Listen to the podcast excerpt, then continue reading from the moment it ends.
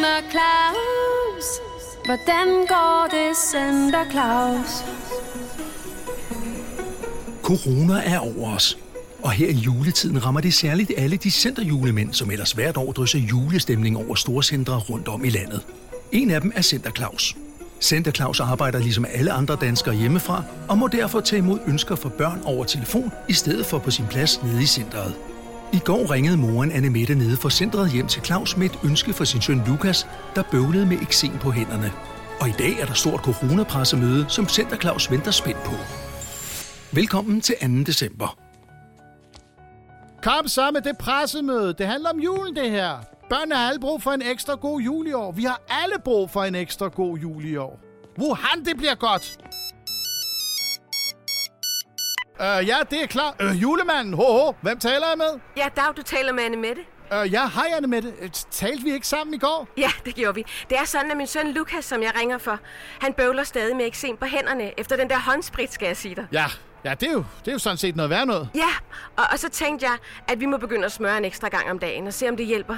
Ellers udtørrer hænderne jo fuldstændig. Ja, det er noget krasbørst i noget, det der sprit. Var det ikke noget med en god, fugtig creme, som man ønskede sig? Og, og så har han fået lov til at være hjemme, og det har han jo også de næste par dage. Fordi, jeg skal sige, at en af hans venner, han har sådan noget kriller med halsen. Ja, okay, Anne Mette. Vi skal alle være forsigtige og passe på hinanden i den her tid. Men har Lukas et ønske til mig? Jeg vil altså ikke tage nogen chancer med den smitte. Især ikke, når han i forvejen har skåret kraftigt ned på håndsprit. Nej. Ja, jeg ved godt, det er forkert. Men det er simpelthen for, at hans eksem ikke stikker helt af. Mm. Det vil være så synd. Ja, jeg forstår, Anne Mette. At det gælder om at passe på. Jeg siger til dig, jeg har også læst om mange forældre, der lader deres afkom gøre lige hvad de vil. I de her tider. Ja, ja, jeg forstår, Anne Mette. Ja, så han er altså lige hjemme, så vi er på den sikre side. Hov, hov, øjeblik, Anne Mette. Det er et skældsættende pressemøde, der kan afgøre hele julen for alle os center julemand. Uh, hæng lige på et øjeblik. Og nu er det direkte fra spejlsalen. Værsgo.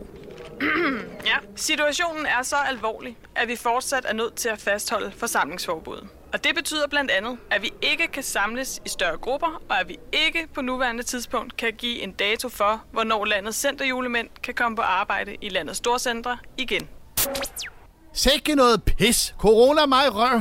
Hvad skal der blive af julen og mit store juleshow nede i centret? Hallo? Ja, ja, undskyld. Ja, Anne Mette, kan vi tage den på et andet tidspunkt? Jeg beklager rigtig meget, men julen er i fare. Og jeg så jo også gerne, det var Lukas selv, der ringede ind til julemanden. Kan han ikke ringe i morgen med sit ønske? Jeg bliver nødt til at gøre noget for at redde julen. Jeg har meget travlt. Hvad får Center Claus så travlt med? Hvorfor ringer Lukas ikke selv? Og hvad skal der blive af Center Claus' store juleshow? Åh, oh, det kunne gå hen og blive en lang måned, det her. Og hvor er min oplader nu hen? Center Claus, den hjemsendte julemand. Sammen med UNICEF, vi har alle brug for lidt ekstra i år. Lyt til alle afsnit på Radio Play.